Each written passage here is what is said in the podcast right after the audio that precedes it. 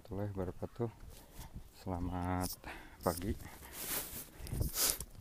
Jadi sekarang mungkin ke arah yang sifatnya lebih alamiah ya. Jadi kalau kemarin-kemarin saya menyampaikan hal-hal yang tidak alamiah Yang sekarang yang lebih alamiah. Jadi kalau menurut saya yang alamiah itu malah justru publikasi ya. Bidang penelitian. Di dalamnya ada publikasi yang menurut saya itu justru yang alamiah. Kenapa alamiah? Karena pertama penelitian itu sampai hari ini tidak dibatasi. Bisa apa saja. Bisa terkait fokus riset Anda bisa tidak. Bahkan bisa dari sesuatu yang Anda perhatikan di jalan. Ketika Anda mungkin nyupir mungkin berolahraga gitu ya. Bisa dari situ. Nah yang penelitian sendiri bisa berasal dari riset yang memang Anda sengaja anda desain sejak awal roadmapnya um, dari nol sampai 10 misalnya gitu ya sudah Anda desain bisa seperti itu bisa juga riset yang Anda uh, buatkan proposalnya gitu. Ya. juga bisa riset yang tidak seperti itu contoh terkait dengan pendidikan pasti ada pembimbingan tugas akhir kan nah ketika anda menerima seorang mahasiswa untuk tugas akhir kan bisa saja idenya bukan dari anda. Idenya itu dari yang bersangkutan mahasiswa yang bersangkutan. Nah itu akan sangat bervariasi. Karena bisa saja ditentukan oleh di mana mahasiswa itu berdomisili ya kan? Atau ditentukan oleh apakah mahasiswa itu punya cukup uang atau tidak atau ditentukan oleh minat mahasiswa yang bersangkutan. Ya itu udah jelas.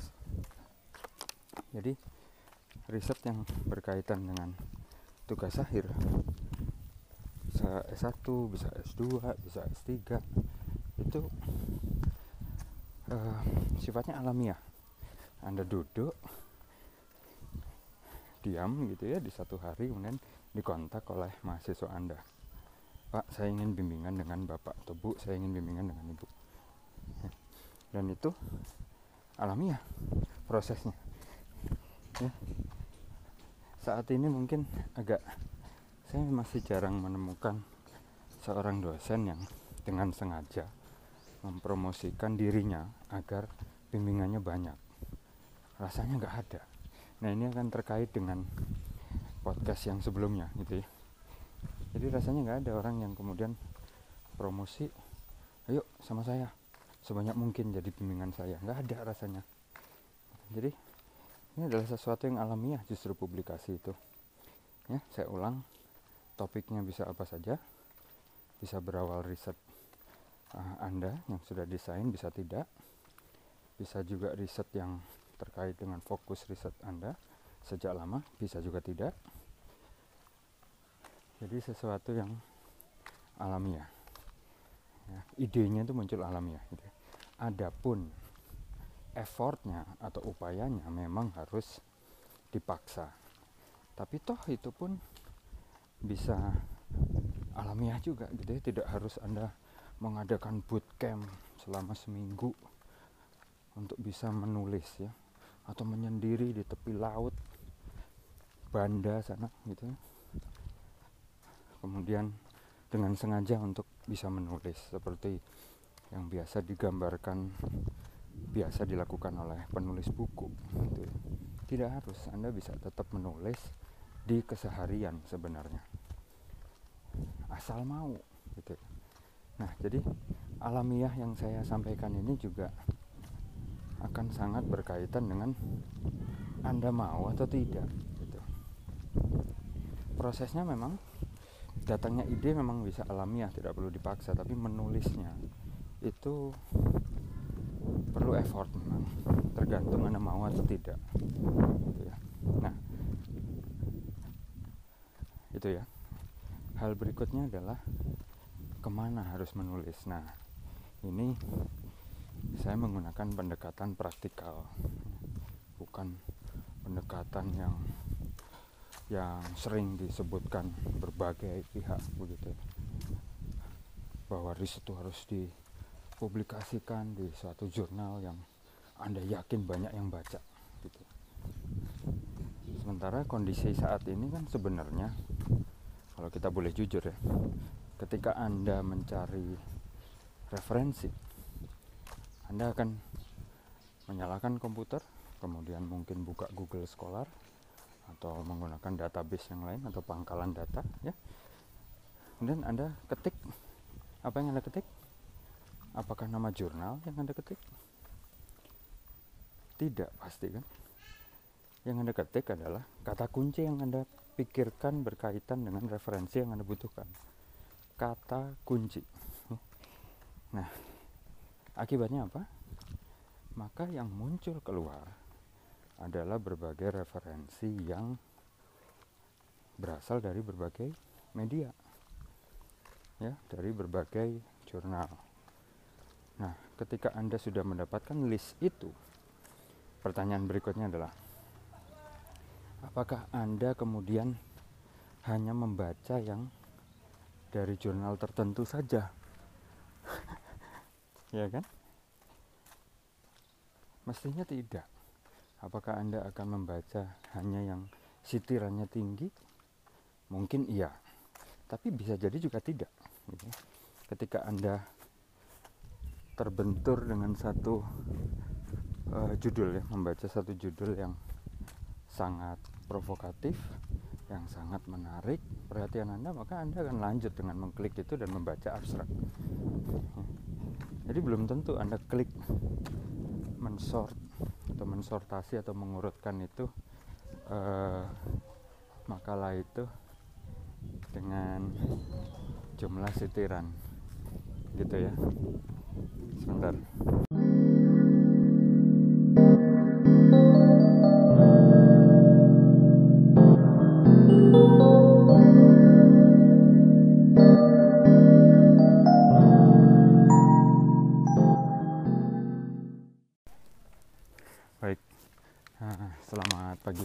Assalamualaikum warahmatullahi wabarakatuh.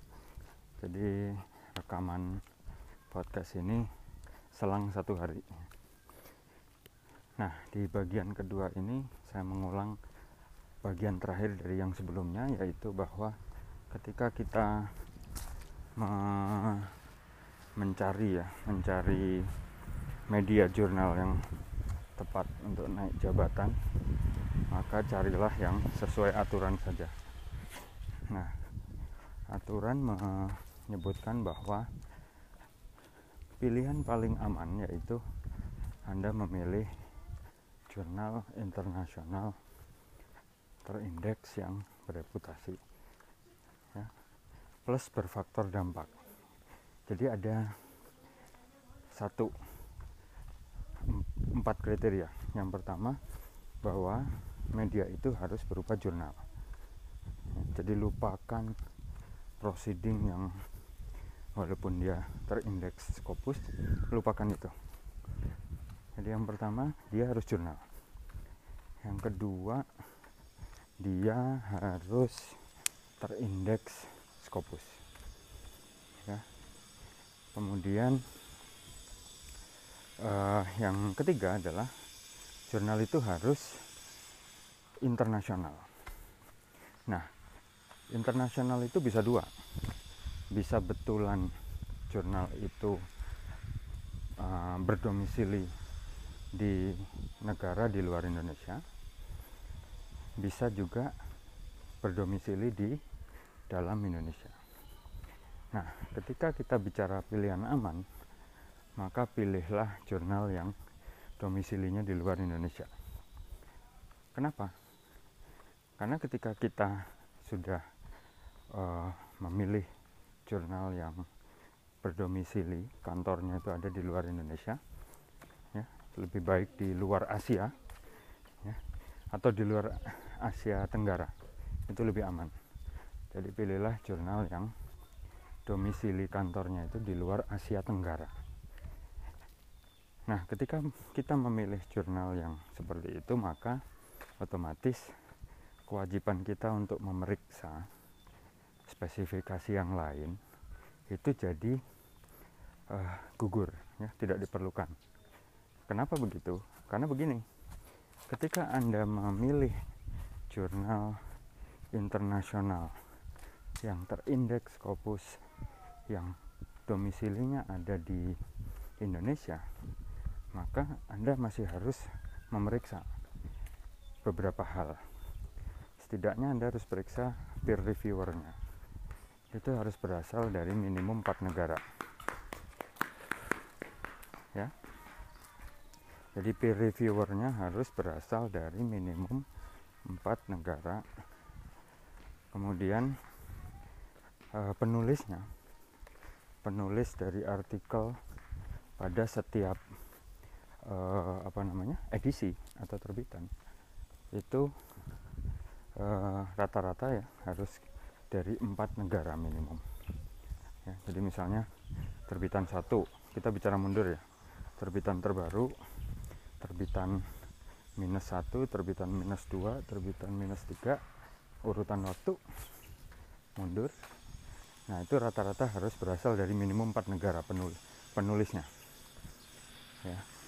Nah bisa saja sebagai penulis pertama bisa sebagai penulis kedua dan seterusnya. Yang penting ada paper yang ditulis oleh orang yang berasal dari minimum 4 negara. Nah, ini kan dua syarat yang merepotkan lagi gitu ya. Sudah begitu sering kali ketika dinilai, diperiksa ada kemungkinan digugurkan karena tidak memenuhi syarat sesuai keinginan ya. Jadi sekali lagi pilihlah jalur aman. Pilih jurnal internasional terindeks Scopus yang domisili kantornya di luar uh, Indonesia. Di luar Asia Tenggara. Itu lebih lebih aman lagi ya. kenapa harus di luar Asia Tenggara? Karena banyak persepsi pendapat bahwa negara-negara di Asia Tenggara itu masih merupakan uh, pusat dari atau hotspot ya, titik panas dari jurnal predatory. Misal India, kemudian ya walaupun India tidak masuk uh, Asia Tenggara ya, tapi bertetangga lah itu sudah terkenal sekali India. Kemudian bisa jadi juga mungkin negara tetangga kita begitu ya jadi itu. Nah. Jadi tadi sudah berapa kriteria? Tiga ya? Satu dia harus jurnal. Dua dia harus uh, internasional. Ya pilihlah yang domisilinya di luar Asia Tenggara. Yang nomor tiga terindeks Scopus. Yang nomor empat nah ketika ingin disebut bereputasi maka harus punya faktor dampak atau impact factor Nah, di situ di aturan tertulis impact faktornya itu kalau nggak salah minimum 0,5 atau 0,4 begitu ya. Yang jelas di bawah satu. Tidak jauh dari 0,5 mestinya. Seingat saya tolong diperiksa lagi. Karena memang tidak tinggi. Jadi pilihlah jurnal yang punya impact factor yang diterbitkan oleh Clarivate Analytics dengan nilai minimum 0,5 jadi pilihlah yang 0,5 0,6 gitu ya.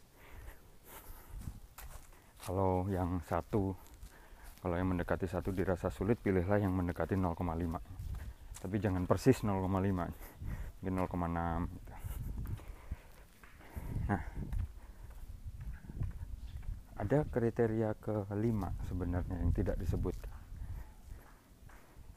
ya jadi dia sudah jurnal dia sudah internasional dia sudah terindeks Scopus dia sudah punya impact factor 0,5 minimum. Oh satu lagi. Saya lupa. Jadi posisi impact factor 0,5 itu bisa digantikan dengan posisi jurnal itu di pemeringkatan Shimago. Nah pilihlah jurnal yang minimum Q2 ya. atau anda kalau ingin lebih meyakinkan lagi ya Q1 pilihan aman ya. Sudah saya rubah Q1 saja itu pilihan aman. Jadi sekali lagi impact factor jurnal yang 0,5 tadi bisa digantikan dengan jurnal yang tidak punya impact factor tapi ada di Simago dengan kuartil 1 ya wah Q1 nah